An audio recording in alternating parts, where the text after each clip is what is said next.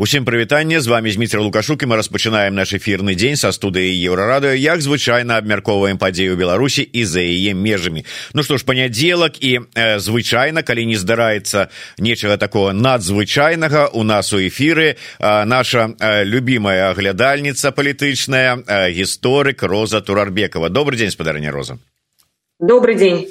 Ну я э, паспрабаваў пачаць нашу размову на такім э, пазітыве але тым не менш э, падзеі апошніх дзён яны мала пазітыўныя асабліва калі браць і наш рэгіён і суседні. Але самыя апошнія навіны канешне вайна ў ізраіле скажите наколькі вы цікавіцеся тым рэгіёнам наколькі можна абмяркоўваць бо каб не было такого я пачну задаваць пытанне вы скажете я там асабліва не разбіраюся у перыпетіях тых тых сітуацый якія там адбываюцца. Так вось наколькі вам гэта блізка? Ну я бы хотела сказать следующее. Во-первых в свое время когда-то мне довелось разработать авторский курс по региональным по системам стран ближнего и среднего востока читала политические системы Ближнего Среднего Востока, стран Ближнего Среднего Востока. Ну и, конечно, мой э, спецкурс достаточно известный, студенты его очень любили. Исламский фактор в международных отношениях. Поэтому, как вам сказать, ну, наверное, что-то я там в чем-то наверное разбираюсь. Я на гэта вот. я ў гэтым у прынцыпе не сумняваўся але вырашыў ўсё ж таки праверыць. У такім выпадку а, ваша пазіцыя по гэтаму ну, хацеў сказаць канфлікту але відаць гэта ўсё ж таки не канфлікта канкрэ такая конкретная вайна. Вось тому что некаторыя кажуць мы на баку гэтых другія кажуць мы на баку гэтых третье не ўсё так адназначна. Ваша пазіцыя? Моя позиция она как бы есть несколько позиций. Да? Первая позиция – это моя человеческая позиция просто, да? гражданская позиция. И я вот э, сегодня, конечно, полностью на стороне э, Израиля, в первую очередь народа Израиля, подчеркну, народа Израиля, не правительства. А вот, народа Израиля, который страдает сегодня, и а, они стали а, жертвами того, что произошло, нападение со стороны террористической группировки Хамас – и, по всей вероятности, не очень э, хорошего уровня подготовки со стороны правительственных структур, что для меня стало, конечно, большим сюрпризом, я думаю, не только для меня. Вот, это первое. Второе – это позиция эксперта. Позиция эксперта гораздо сложнее, потому что а, с экспертной точки зрения а, я знаю, насколько серьезный и глубокий как бы, этот конфликт, и э, даже э, когда как бы меня спрашивают, э, пытаются сейчас брать интервью, я сейчас, к сожалению, у меня нет такой возможности более развернуто писать или отвечать на вопросы. Есть как бы свои обязательства другого плана. А, я даже не знаю, с чего начать. Почему? Потому что когда вы слишком много знаете, просто ответить на... Ну, Добре, вот. я зразумеў вас, спадарыня Роза. Давайте, паколькі у вас такі аб'ём інфармацыі, што вы не ведаеце, з чаго пачаць, я пачну тады, можа быць, как не эксперт і чалавек, які не глыбока ў гэтай тэме разбіраецца, але што ляжыць на паверхні. І я пачну з вашага. Дарэчы, хто яшчэ да гэтага часу не падпісаўся на тэлеграм-канал спадарыні Розы, рабіце гэта, зараз будзе спасылачка і у сваім тэлеграм-канале вы параўналі сітуацыю ізраильска-палесцінскага канфлікта с сітуацыяй у карабаху. Карабахска-азербайджанскі там ці армяна азербайджанскі як тут правильно сказаць канфлікт у чым тут ну я не падабенства не падабенства а ці ці ёсць магчымасць увогуле параўноўваць гэтыя две ситуации? Понятно что ситуация абсолютно уникальная отличающаяся друг от друга. Если мы с вами говорим об израильско-палестинском конфликте а, то этот конфликт является частью огромного большого конфликта под названием Ближневосточный. А, он имеет очень такую серьезную давнюю историю, а, и э, в этом как бы необходимо разбираться. В э, нем задействованы достаточно большое количество государств и сторон. Если мы с вами говорим об армяно-азербайджанском конфликте за Нагорный Карабах, Ситуация несколько иная. А, и у армян, и у азербайджанцев есть своя государственность, но проблема вот этого а, анклава, я имею в виду Нагорного Карабаха.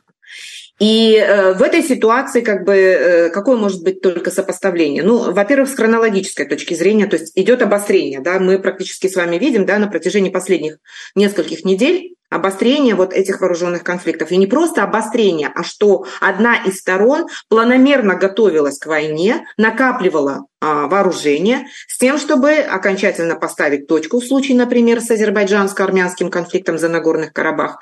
Фактически на наших с вами глазах была ликвидирована она Нагорно-Карабахская республика, да, как а, независимая или там сепаратистская, тут уже в зависимости от политической оценки, на чьей вы стороне находитесь. А, вот. И что касается палестино-израильского конфликта, то здесь э, как бы совсем другая ситуация. У палестинцев до сих пор нет своего государства, хотя они к нему идут с 1947 года, но его пока еще де-факто нет, и даже де юре большие сомнения. Вот. Но тем не менее, а, в секторе э, газа или там более, если точно говорить, это большой, большая городская э, такая, как это, агломерация, 3 миллиона человек примерно, а, и западный берег э, реки Иордан. Это, скажем так, территория палестинской национальной автономии, которая на сегодняшний день фактически разделилась. И вот Хамас, контролируя а, Газу, он нападает с территории Газы на Израиль, и э, Хамас не является государством, а, и даже не, пока на сегодняшний день не может говорить о том, что они претендуют на представительство палестинского народа, по крайней мере, с точки зрения международно-правовой. Потому что с международно-правовой точки зрения представителем палестинского народа там, с 80-х годов была Организация освобождения Палестины, и потом в 2011 году в ООН была принята еще декларация о создании государства Израиль, но это, конечно, инициаторами была, была администрация палестинской национальной автономии, которая в основном находится на западном берегу реки Иордан, у которого серьезный конфликт с Хамас. Но Хамас есть, как субъект политический, мы называем его террористической организацией и не без оснований, но он есть. И э, Хамас контролирует э, вот эту территорию, которая должна, по идее, войти в состав палестинского государства. То есть в этом разница в чем сравнение, в чем как бы э, общее? Общее заключается в том, что на сегодняшний день мы просто наблюдаем интенсификацию этих конфликтов и переход их в вооруженную стадию. З гэтай з гэтага пункту гледжання вы там сказали ўсё ж таки про тое что ну шмат было не зроблена раней для того каб гэтыя канфлікты нейкім чынам ну не абвастрыліся сёння. І ведаеце глеючы пра на тое як учора адбывалася і дакладней чым скончылася пасяджэнне ан там тэрміновая дзе асноўная рэзалюцыя была здаецца ў тым что ну яны не ме не, не трэба было ім так вот дзейнічаць выбачайце мне это что что это за какая какой-то я не знаю да вот як тут э, нездольнасць ні да чаго нават выкля выказаць нейкую заклапочанасць а нешта увогуле неуцямная позиция это про что сведчыць вот як вы увогуле оцениваете ну э, вы понимаете что когда мы с вами говорим о заседании совета безопасности оон мы в первую очередь имеем в виду позиции пяти э, постоянных членов под пятью постоянными членами мы с вами знаем, кто имеется в виду. Да? Соединенные Штаты, Великобритания, а, Франция, Китай и Россия. И в этом раскладе теперь через эту проекцию мы смотрим на а, возникший, а, возникший вот этот вот новый военный конфликт. Кто на чьей стороне в этой ситуации будет? Какой будет результат? Какая, какая, какая будет принята резолюция с такими, извините меня за выражение, членами? Ну, вот э, такая вот, э, э, извините вот такая. за слова, членская резолюция и будет. Никакая, никакая, никакая. Это не резолюция, они не решают ничего. Они, наоборот, скажем так, в определенном смысле просто сделали декларацию, и все. Они продекларировали ну, какие-то совершенно очевидные вещи, что этот э, конфликт должен быть решен мирным путем, э, что они выступают против актов э, там, чего там, агрессии, террора и так далее. Ну, извините меня, это не резолюция, это не решение. Да? А то, о чем мы с вами говорим сейчас, и то, о чем я пыталась написать в телеграм-канале, естественно, что я не раскрыла свой тезис. Это в первую очередь то, как э, была совершена э, такая очень серьезная попытка разрешить э, ближневосточный конфликт, начиная с 1990 года, так называемый процесс ближневосточного урегулирования. Это такой большой, серьезный процесс, в результате которого мы на сегодняшний день имеем очень много разных всяких как это сказать, технических и технологических решений, которые потом использовались во всех уголках, как говорится, мира, и даже понятие «дорожная карта» – это из ближневосточного урегулирования. Так вот, в рамках ближневосточного регулирования было предложено два подхода. Первый подход, еще тогда существовавший Советский Союз, выступал за комплексное решение вопросов, за то, чтобы все сели за один стол и решили все за, одни, за одним столом переговоров. Это прекрасно на словах, но на, на деле нереально. А реальный подход предложили Соединенные Штаты. Понятно, что в большей степени они имели в виду израильские интересы. То есть разбить этот конфликт на двусторонние треки. То есть Израиль, Иордания, Израиль, Сирия, Израиль, а, Организация освобождения Палестины. И то Израиль не сразу согласился на то, чтобы Организация освобождения Палестины вообще, в принципе, была бы переговорной стороной. Так, к вопросу о том, на самом деле, как надо смотреть на весь этот конфликт. Поэтому а, и этот подход победил, потому что Советский Союз, понимаете, 90 91 все, он ушел фактически, да, как субъект, э, самоустранился от этой ситуации. Хотя с самого начала Советский Союз, а потом правоприемница Российская Федерация считается правоприемницей Советского Союза, в том числе и в решении этих вопросов. И этот подход двустороннего, двусторонних треков, он себя оправдал, но до определенного момента. Израиль а, на сегодняшний день, а, уже если сравнивать с 1947 годом, имеет дипломатические отношения с Египтом. Кемп-Дэвидское соглашение раз, с Иорданией, 94 год, как раз вот результат этого а, ближневосточного регулирования два. Не имеет а, дипломатических отношений, не имеет с Сирией, естественно, не имеет отношений с Ираном, хотя в свое время у Израиля были неплохие отношения с шахским Ираном, но потом, как вы знаете, грянула исламская революция, и все это завалилось. А вот. Э, и, и еще на сегодняшний день Израиль устанавливает дипломатические отношения с Объединенными Арабскими Эмиратами. А, сейчас не вспомню, по-моему, речь шла еще о Катаре и, возможно, Бахрейне. И они находились на пути установления дипломатических отношений с Саудовской Аравией. То есть, в общем и целом, Израиль уже давным-давно выходит из той самой изоляции, о которой периодически вспоминают особенно те, кто сегодня начинает чрезмерно как бы преувеличивать некоторые вещи не зная истории конфликта, не зная истории ближневосточного регулирования. Теперь, что касается двустороннего трека с палестинцами. С палестинцами шел отдельный, отдельный переговорный процесс. Это израильско-палестинские переговоры. В результате было достигнуто, вообще колоссальная была проведена работа, а было достигнуто соглашение о том, что там же много вопросов, там же целый клубок этих вопросов неразрешимых.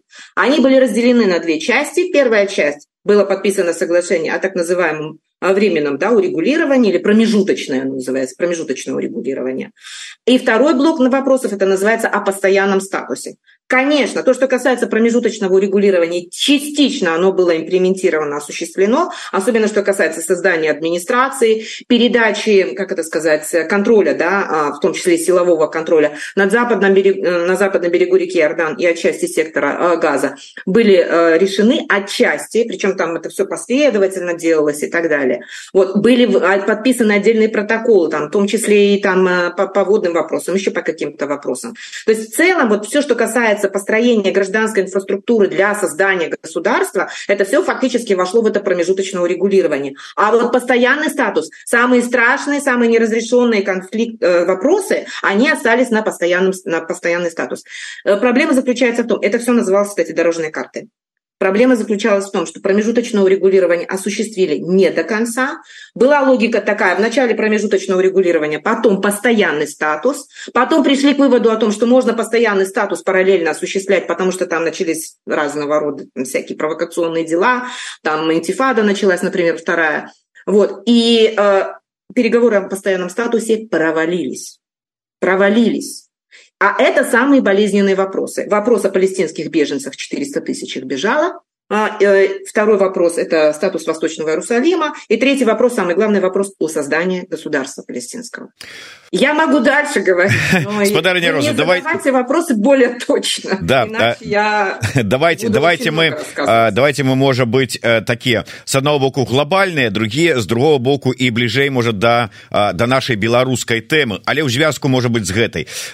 Зразумела, позиция, роля Ирана во всей этой ситуации, ўсёй гэтай антыізраільскай осі як яны там называются а, але гучыць і тое что Росія Китай где-то там вот нібыта уши торчать як вам бачыцца роля ў гэтай ситуации России и Китая опять-таки стараюсь не очень глубоко но к сожалению без этого сложно потому что конфликт очень сложный сам по себе а почему Россия и Китай длительное время поддерживала палестинское движение сопротивления? Потому что Организация освобождения Палестины идеологически была близка то есть это были социалистические идеи. Если вы помните Ясера Арафата, то его идеи, идеи ПДС, да, там были очень сильны именно идеи левые, социалистические. Отсюда ООП опиралась в своей деятельности, в том числе напомню, что не всегда ООП признавалась как нормальная организация, тоже считалась террористической организацией, они тоже совершали определенные теракты. Все это было. Вот. А потом Ясер Арафат, если вы помните, стал даже Нобелевским лауреатом премии мира. Кстати, вот, так вот, они были близки. Отсюда эта идеологическая была а, война, это часть холодной войны. На стороне Израиля были кто? Соединенные Штаты. На стороне Организации освобождения Палестины были кто? А, в первую очередь Советский Союз, и впоследствии даже стал их поддерживать Китай. Причем, ну, там роль Китая надо рассматривать отдельно, потому что у Китая были свои как бы интересы и виды. Но к сегодняшней ситуации это применить бывает очень сложно по той причине, что когда начался ближневосточный а, процесс ближневосточного урегулирования, Организация освобождения Палестины стала больше, Советский Союз исчез, стала в большей степени опираться на а, Европейский Союз. Европейский Союз в качестве ко-спонсора процесса ближневосточного урегулирования выделял очень серьезную материальную, финансовую и всякого рода другую помощь а, в создании вот этой палестинской национальной автономии. Но здесь, внимание, факт. Проблема заключалась в том, что часть этих средств была раз, разворована. И вот это воровство и эта коррупция, которая стала процветать в ПНА и ОП, а закончилась тем, что в 2007 году в Газе на выборах, которые были предусмотрены промежуточным урегулированием, победила партия от Хамас. И фактически раскололась а, территория, контролируемая палестинской национальной автономией, на две части. Газа – это под Хамас, а западный берег реки Иордан – это под ООП. Вот на сегодняшний день мы имеем с вами дело с Хамас, только с частью палестинского движения сопротивления, причем с радикальной частью, но той частью, которая пришла к власти на самом деле через выборы, а эти выборы они выиграли демократическим путем и в результате повестки, антикоррупционной повестки против ООП. Во как дело было. И Хамас – это государство в государстве. В то время как ООП занималась разворовыванием, разбазариванием денег, в это время Хамас строил школы и мечети и помогал бедным. С одной стороны, с другой стороны совершал теракт. Але мы говорим про але мы говорим про сённяшні дзень вот сёння роля России во ўсёй гэтай в этой войне в этом нападе. Вам бачится? Я думаю что Россия на самом деле напрямую не задействована но бенефициаром да является именно Россия. Почему? Потому что сейчас все внимание от Украины переключилось на куда? На Ближний Восток да и Соединенные Штаты сейчас, э, понятно, руководствуясь в первую очередь тем, что Израиль является первым и главным стратегическим партнером Соединенных Штатов на Ближнем Востоке, сделает все, поставит любое оружие, сделает все для того, чтобы а, операция Израиля в Газе завершилась ну, хоть какими-то результатами. Хотя на самом деле ситуация тупиковая, ситуация нерешаемая потому что для этого надо снова садиться за стол переговоров. Потому что те люди, которые кричат, что надо уничтожить а, Хамас, они просто не понимают, какую позицию Хамас занимает на сегодняшний день в Газе. Вам придется уничтожить 3 миллиона человек тогда. Всех людей, которые там живут. Вот в чем дело. Понимаете, это как с Талибан. Это такая ситуация. Их победить нельзя.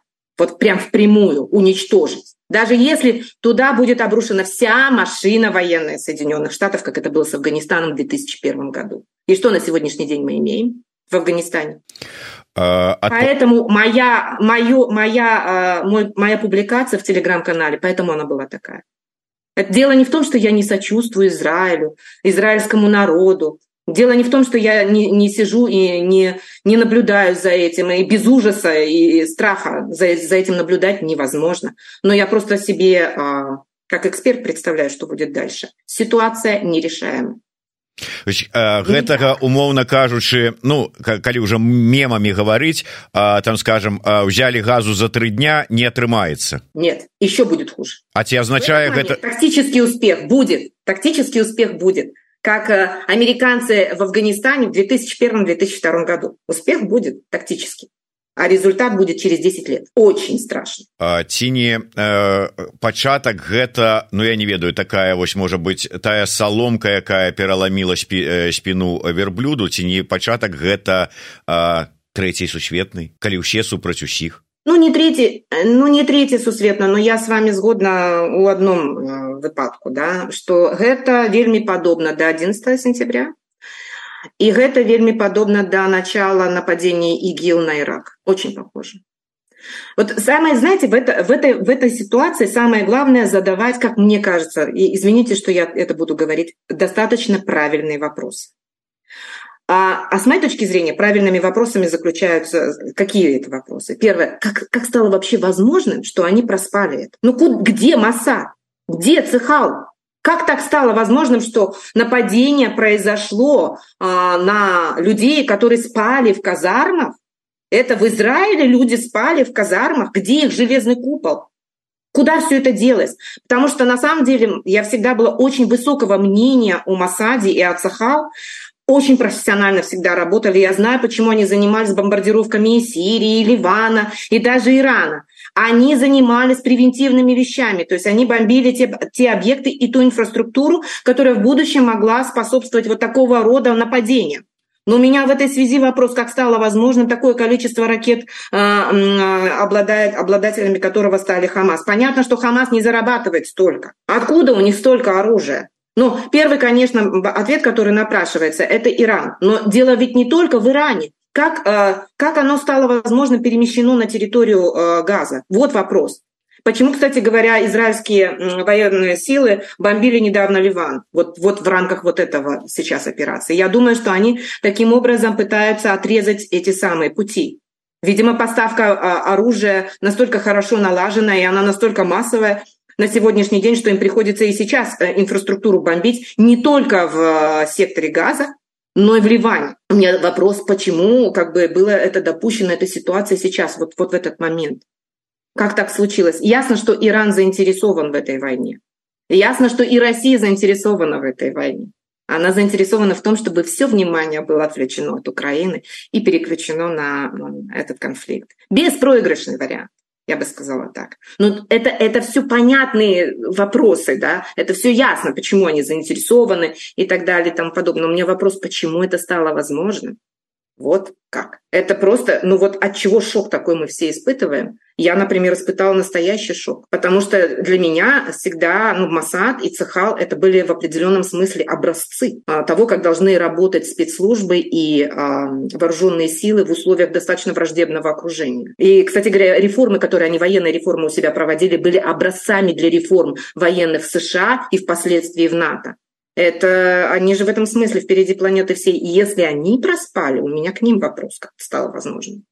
Или они что что с ними произошло вы сказали про тое что ўсё ж таки атрымальнікам выгады ну это відавочна становіцца Россия А як гэта паўплывае на на Беларусь ці не сутыкнуліся мы ізноўку з чарговым вот этом как говорится дьявол яблоки там цягае яму что ізноўку лукашенко подфарціла і ізноўку як это у четырнадцатым годзе было як там іншыя сітуацыі былі что ізноўку гэта на карысць ці не? Нет я не думаю что ситуация сопоставима с четырнадцатым годом.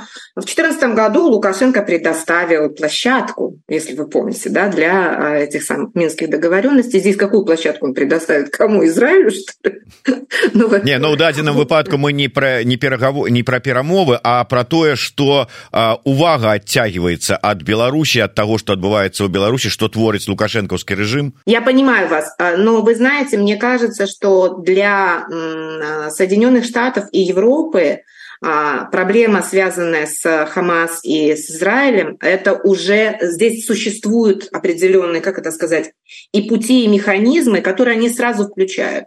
Они, собственно говоря, работали всегда. И уже на сегодняшний день мы, в принципе, видим то, о чем говорит Блинкин, например, да, а, то есть уже примерно понятно, как администрация уже взвесила и все акценты будет расставлять.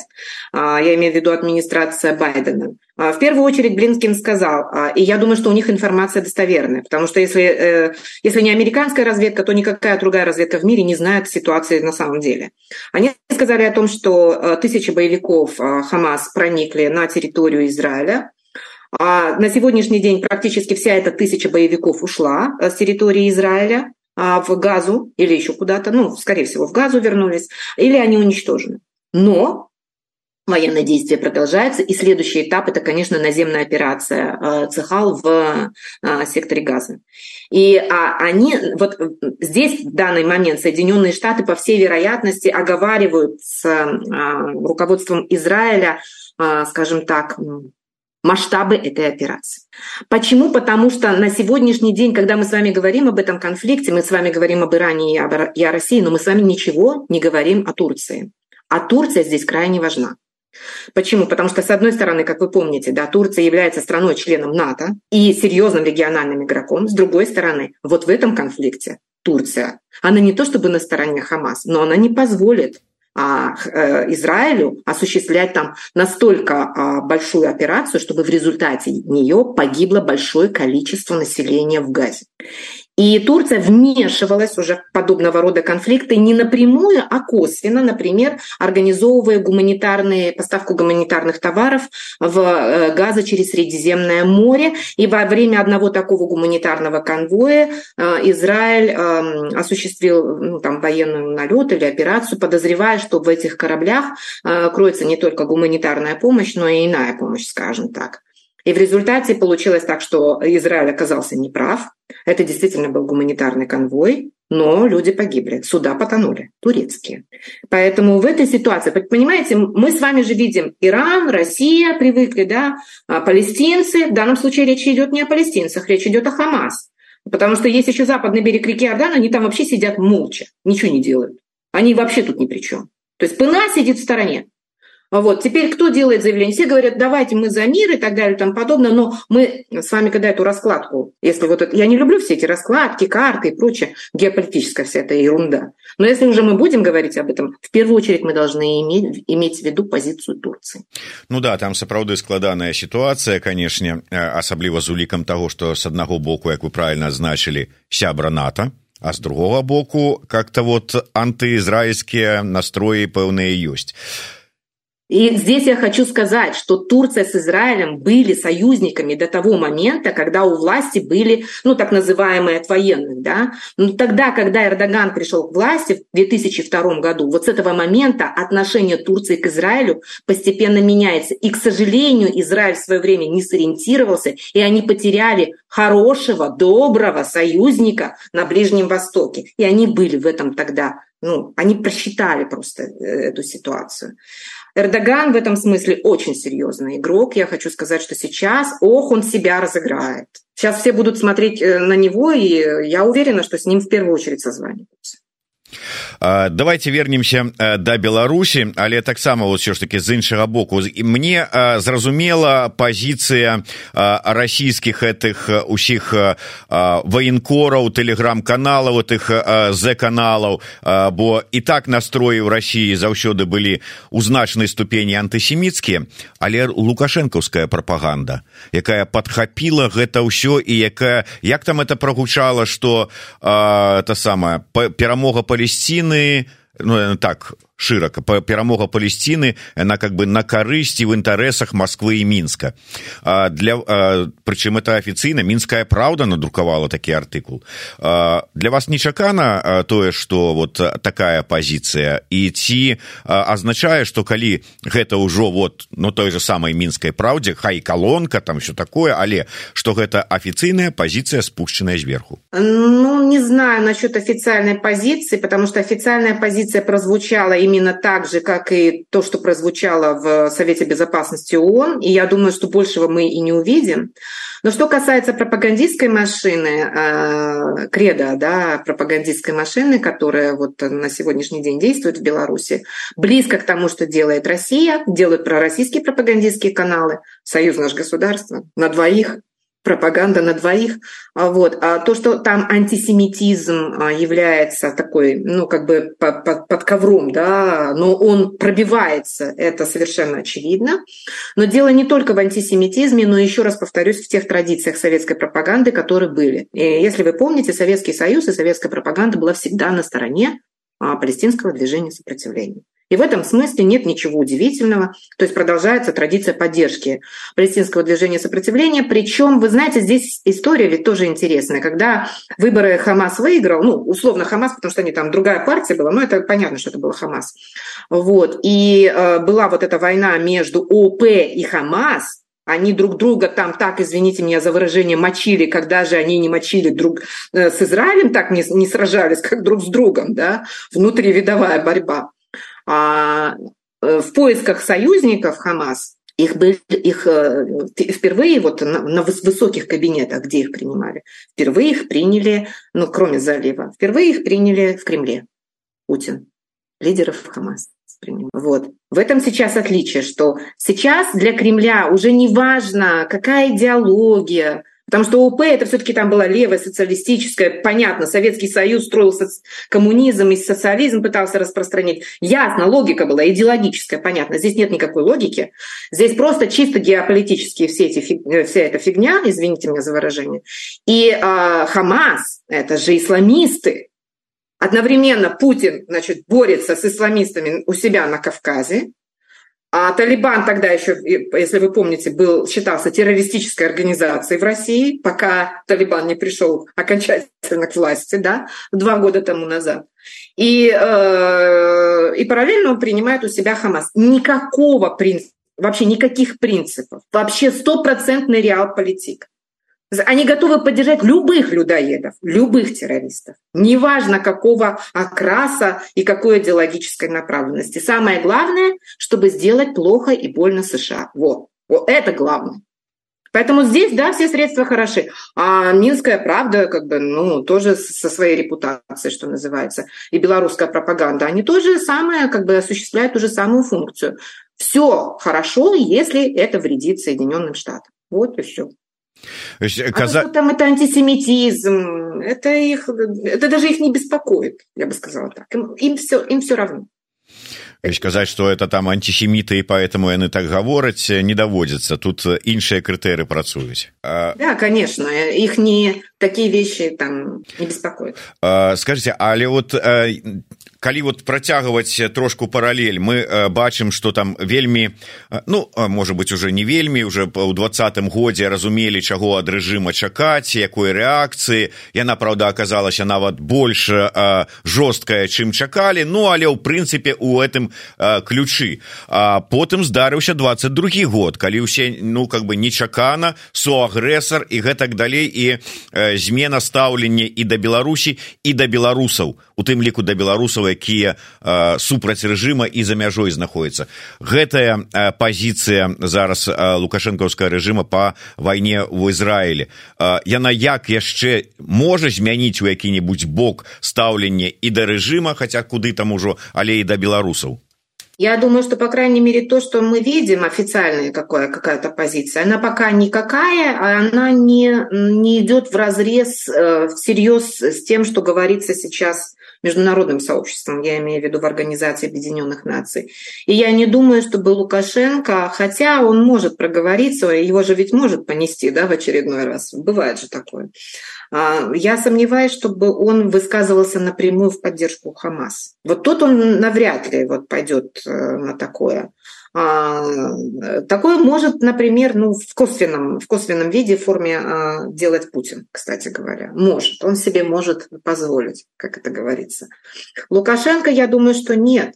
а, единственное, в чем сейчас плюс для Лукашенко, это в том, что вы, вы правы, что сейчас фокус международного сообщества смещается. Да, с, даже вот с Украины, соответственно, с региона, соответственно, с Лукашенко, да, на более южнее. А обратите внимание, как быстро забыли про Нагорный Карабах. Вот. Но дело в том, что а, Украину и Лукашенко в этой связи не могут так надолго забывать, потому что а, Соединенные Штаты оказывают прямую военную помощь Украине, Европейский Союз и в целом НАТО да, оказывают прямую военную помощь Украине. И этот конфликт, он как бы э, все равно пройдет время, и э, как-то фокус снова вернется к Украине. Поэтому я бы не стала преувеличивать здесь, э, как это сказать, прибыли Лукашенко. Да? Это будет временно такая переключение или ослабление внимания в сторону Беларуси. Ну, может быть, на фоне Хамас просто Лукашенко выглядит чуть лучше и симпатичнее, я не знаю. Но мне кажется, что такого серьезного изменения а, в имидже Лукашенко не будет. Ну у прынцыпе да. Асабліва з улікам таго што лукашенко сам умее прыцягнуць у негатыўным сэнсе да сябе ўвагу міжнароднай супольнасці я просто гляжу навіны тут у польшчы і пішуць пра тое што гэтай ноччу узмацніліся ізноўку нейкія там шевеленне мігрантаў на польскай мяжы ізноўку закідывалі там польскіх памежнікаў камянямі ці нечым яшчэ калі ізноўку дойдзе да нейкага там мігрантскага такого павелічэння гэтых колькасцей якія будуць спёрціся то адпаведна ізноўку увага будзе вяртацца ну хаця бы там на, на рэгіянальным узроўні але. Дарэчы чамусьці ўзгадалася сітуацыя з самалётам з пратасевічам это ж хамас абяцаў самалёт той падарваць. І это ж потым хамас пісаў што мы не такія як лукашэнкаўскі рэжым мы на такія дзеянні не ідзем. Вот как бы супадзенне такое вот як кажуць. Ну, Просто у Хамас такая репутация, что Лукашенко решил, ну, им, им, как это сказать, все равно им от них не убудет, да, но в тот момент, конечно, Хамас сделал свои э, заявления, понятно какие, вот. Но там вопрос, кто писал это, потому что там же, когда мы разбирали эту историю, эту ситуацию, я спрашивала, почему вообще, во-первых, почему писали по-английски, раз, во-вторых, почему по, по, отправили по электронной почте. Это не стиль Хамас, стиль Хамас КамАЗ вот такой, понимаете? Они там видеоролик запишут, там сзади будет флаг зеленый, да, на котором будет арабской вязью а, написано сура из Корана, и они будут в черном стоять с вот такими вот этими лентами, да. А при чем тут вообще Хамас с электронным письмом на английском языке? Это, конечно, было достаточно комично, если бы не было так драматично сама по себе эта история. Дарэчы, калі мы уже гэта закранули, я потым вярнуся да можа быть еўрапейскай рэакцыі рэал палітик у адносна гэтай ўсёй сітуацыі з Ізраілем але сёння ад апейкіна у яго тэлеграм-канале выйшаў такі досыць цікавы допіс. Ён узгадаў што ён ўсё ж таки там палітолог а не толькі там спортам займаецца. Але ну как бы вот раскрыў нам вочы на рэал палітыкі рэальнасць вось спадар апейкін што адбываецца ў беларусі. Я так тэзісна вам там как бы зазначу. 200 2020 год скончыўся таварышы. Гэта трэба прыняць і адпусціць. Беларускае грамадства і палітычная сістэма стабілізаваліся пратэсных настрояў беларусі больш не будзе на доўгі час. Стабільнасці рэжыму сёння нічога не пагражае. Санкцыі аказаліся эфемернай субстанцыяй. Палітычныя канструкцыі беларусаў замежжа ост апк ужо нерэлевантныя. Ну і гэтак далей гэтак далей. Але а, мяне вось што ў гэтай сувязі зацікавіла У бліжэйшы час нас чакае заход на трэцяе кола, адносная адліга, вызваленне палітвязняў, дэкрыміналізацыя экстрэміскіх артыкулаў. Збіраем чемоданы спадарня роза хутка вернемся я не знаю откуда александр да да на александра пекин да откуда у александра такая информация Но логика развития событий совсем другая А насколько я помню, Александр заканчивал факультет международных отношений. Ну, есть такое, да, у его биографии, памятую. Я хочу сказать, что что-то, видимо, тут не то. Тут э, как бы, э, видимо, международные отношения выучили, а историю нет. То есть троечка с минусом где-то так, да? Не, не, я не, я не, я не хочу никому сейчас, не приведи Господи, ставить кому-либо оценки. Я так много ставила оценок, что уже у меня нет желания вообще как бы возвращаться к этому. Это неблагодарное дело. Но мне кажется, что э, достаточно понятным э, сейчас является направление развития в кавычках политического развития Беларуси в сторону а, тоталитаризма и неосталинизма. И никакие внешние обстоятельства сейчас уже не а, могут остановить а, развитие событий таким образом. У него не осталось той самой партии, или вернее, скажем, она осталась в весьма урезанном варианте, которая бы смогла бы реализовать то, что реализовал Маккей да, в 2014-2015 году. Э, и нет таких внешних обстоятельств, при которых бы благоприятных, при которых бы э, произошло вот этот вот, как это сказать, эм, оттепель, да, условная оттепель. Вот. Теперь я, ну, мое мнение такое, э, исходя из определенных там исторических представлений, в первую очередь именно нашего пространства, да, постсоветского пространства, как это было, а, исходя из этого, ну, я уже повторяюсь, но я все равно скажу. Отец репрессий, да, а, инициатор репрессий, а, он не будет уже отказываться от этих репрессий. И репрессии закончатся тогда, когда его не станет или не станет его у руля. Вот и все. Это достаточно просто. То есть это как бы как читать Шварца, да, убить дракона, или смотреть, да, Захарова убить дракона. Вот э, с моей точки зрения это гораздо ближе к тому, что э, может быть в Беларуси. А вот эти прогнозы относительно послабления, репрессий и возможной оттепели, последний, от кого я это слышала, это был Андрей Поротников. Я думаю, это весьма символично, то, что я сейчас сказала. Да, то есть э, калі чытаеш пра э, тое што нерэлевантныя палітычныя э, канструкцыі кшталту там офіса ці аб'яднанага кабінета ну ради бога у цябе можа быць такое бачанне ты лічыш там што ніякага толку ад іх дзейнасці няма не пытанне але пісаць я цытую большасць беларусаў зможа бесперашкодна вярнуцца дадому ну мне падаецца што гэта не толькі э, ну гэта шкодна. Это э, на мяжы э, так фола и провокации я вот сегодня к сожалению прочитала еще один еще одну новость. Это новость такая от моих близких друзей знакомых. Вот приехали э, на неделю в страну повидаться с родными. Молодого человека взяли через три дня. Люди гражданства. Ну, это к вопросу о возвращении. Ну, бачите, ж написал у ближайшие часы, что нас чакая там третий, заход на третье коло, а вот эти люди не дочакались вот этого ближайшего часу. Ну, да, троху да, паспяшаліся Праўда вот как-то вот тэрміны гэта калі гэты бліжэйшы час наступіць как-то вот ну неабачліва гаспадар Александр не не пазначыў каб вот що ж таки арыентавацца. Ну але а, добра хай гэта застаецца ў яго. Я хацеў бы вярнуцца і а, да пэўнай змены где-то что-то столькі каментароў з гэтай нагоды. Больная тэма что не могу не могу знайсці. Один быў цікавы каментар зараз паспрабую. Наш глядач пастаянны пад нікам Масім пытаўся пра тое што зараз у еўросаюзе з аднаго боку гучаць заклікі што ўсё ж таки трэба падтрымаць палесціну што вот там праўда на яе баку і гэтак далей. З другога боку гучаць заклікі што ўсё ж таки і ў Еўропе можа быць пагроза ад гэтых тэрарыстаў ісламістаў. І таму можа быць трэба Еўропу ну скажем так пазбавіць этой пагрозы выслаўшы і гэтых імамаў ачысціўшы мечеці і ўсё астатняе. Як вам бачыцца вот ці магчымы нейкі такі вот раскол по гэтым ізраіля палестынскім пытанні у самой Европе? Нет, конечно, да, как бы почему бы и нет, потому что все-таки это демократия, и там есть разные точки зрения, и есть избирательные кампании, где как бы выражаются разные позиции, в том числе по международным вопросам. Но когда речь идет о высылке имамов и так далее, это уже вопрос не международных отношений, это уже вопрос внутренний.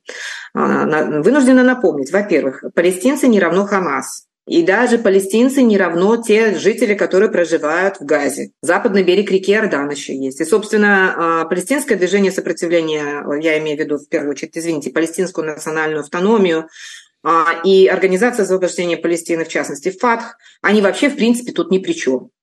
Хамас есть Хамас. Они отдельно вот так вот решили повоевать с Израилем, накопили оружие и совершили вот это варварское нападение а всех там палестинцев вместе складывать, да, но это по меньшей мере как с белорусами, да, ну давайте всех белорусов как бы причислим к этим агрессорам, а, вышли мы их в Беларусь, пусть с ними там Лукашенко делает, что хочет, а потом мы с Лукашенко сделаем, что захотим. Это вот тот уровень размышлений.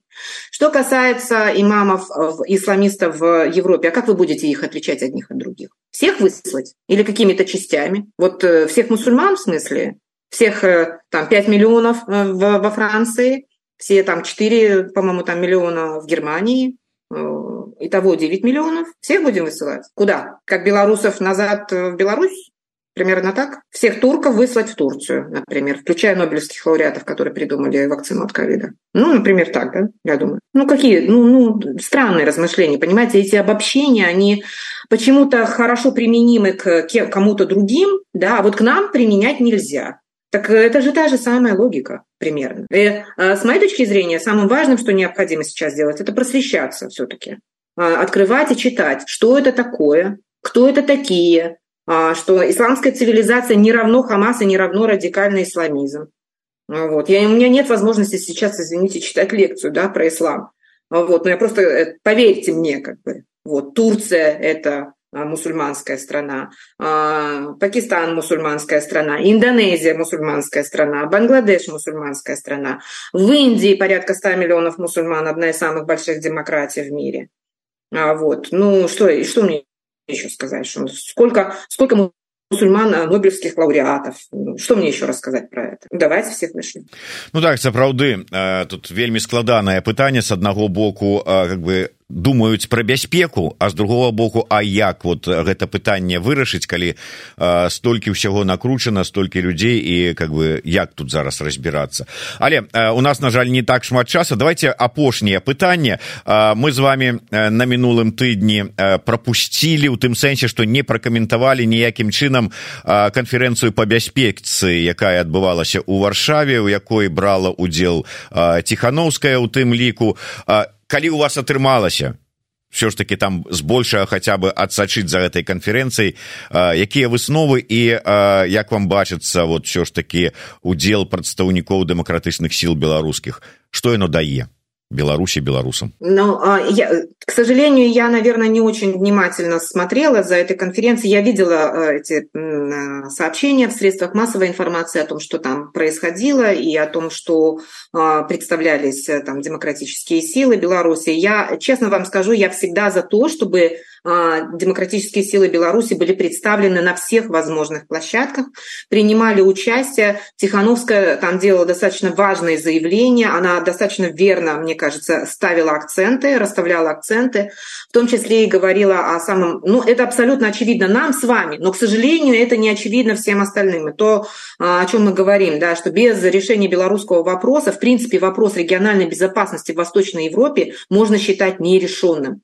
А, Украина может быть безопасной, вернее, э, вопрос безопасности Украины не может быть решен без белорусского вопроса. Украинцы это слишком хорошо понимают. Они не знают просто еще пока с, какого, с какой стороны подойти к этому вопросу. И Лукашенко это не ответ на вопрос, скорее наоборот. Он осложняет эту ситуацию.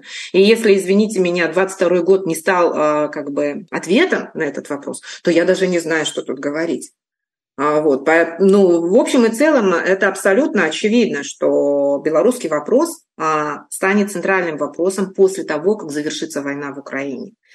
А, дело в том, что просто завершение войны само по себе, конечно, это большое дело, но построить, э, как это сказать, региональную систему безопасности без Беларуси не получится. Без Беларуси не в смысле а, без там, администрации Лукашенко, а без решения белорусского вопроса, потому что сама по себе администрация Лукашенко является проблемой и вызовом этой региональной системе безопасности. Она не является частью или условием построения этой системы. Потому что, ну я просто вынуждена вынуждена напомнить, здесь белорусы все знают, но я, я это напоминаю, ну, там, где это могу, там, я не знаю, там, в Геттингене или а, в Копенгагене, о том, что э, если оставить Лукашенко у власти, если администрация Лукашенко останется у власти, то как бы нельзя, невозможно гарантировать, что эта региональная система безопасности будет построена. Она начала, начала разрушаться с того момента, когда Лукашенко фактически отдал Беларусь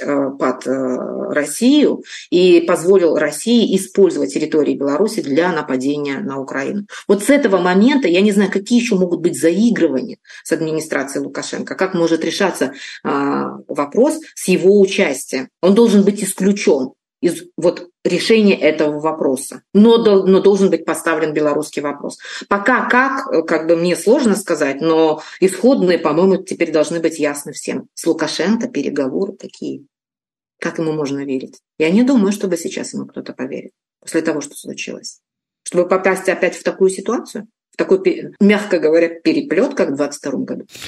Ну да а гэта вяртае нас да таго што ўсё ж такі тэзіс выпускніка факультэта міжнародных адносінаў апейкіна пра тое што ў бліжэйшы час нас чакае заход на трэцяе кола і большасць беларусаў зможа бесперашкодна вярнуцца дадому ну скажем так мягка не отповедая рэчаіснасці да к сожалению.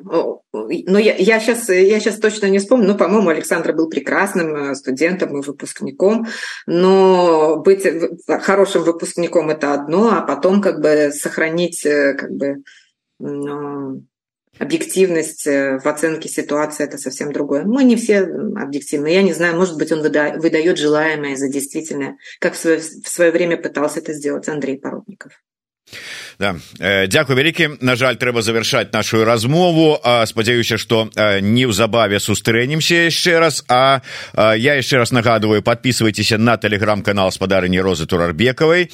Не забывайтеся подписываться на youtube канал еврорады ставить свае падабайки націскаць на звоночки писать каментары і набываць вось гэтую кнігу беларуская нацыянальная ідэя ў выгнанні на вайне дзе ёсць нацыянальная ідэя у тым ліку ад спадарыні розы турарбекавай. І дарэчы ад нашага наступнага гостця в эфиры тому что у нас буквально праз 7 хвілінаў саша філіпенко в эфиры так что калі ласка не адыходзьце далёка дзякую вялікі яшчэ распадарня роза. Жыве Беларусь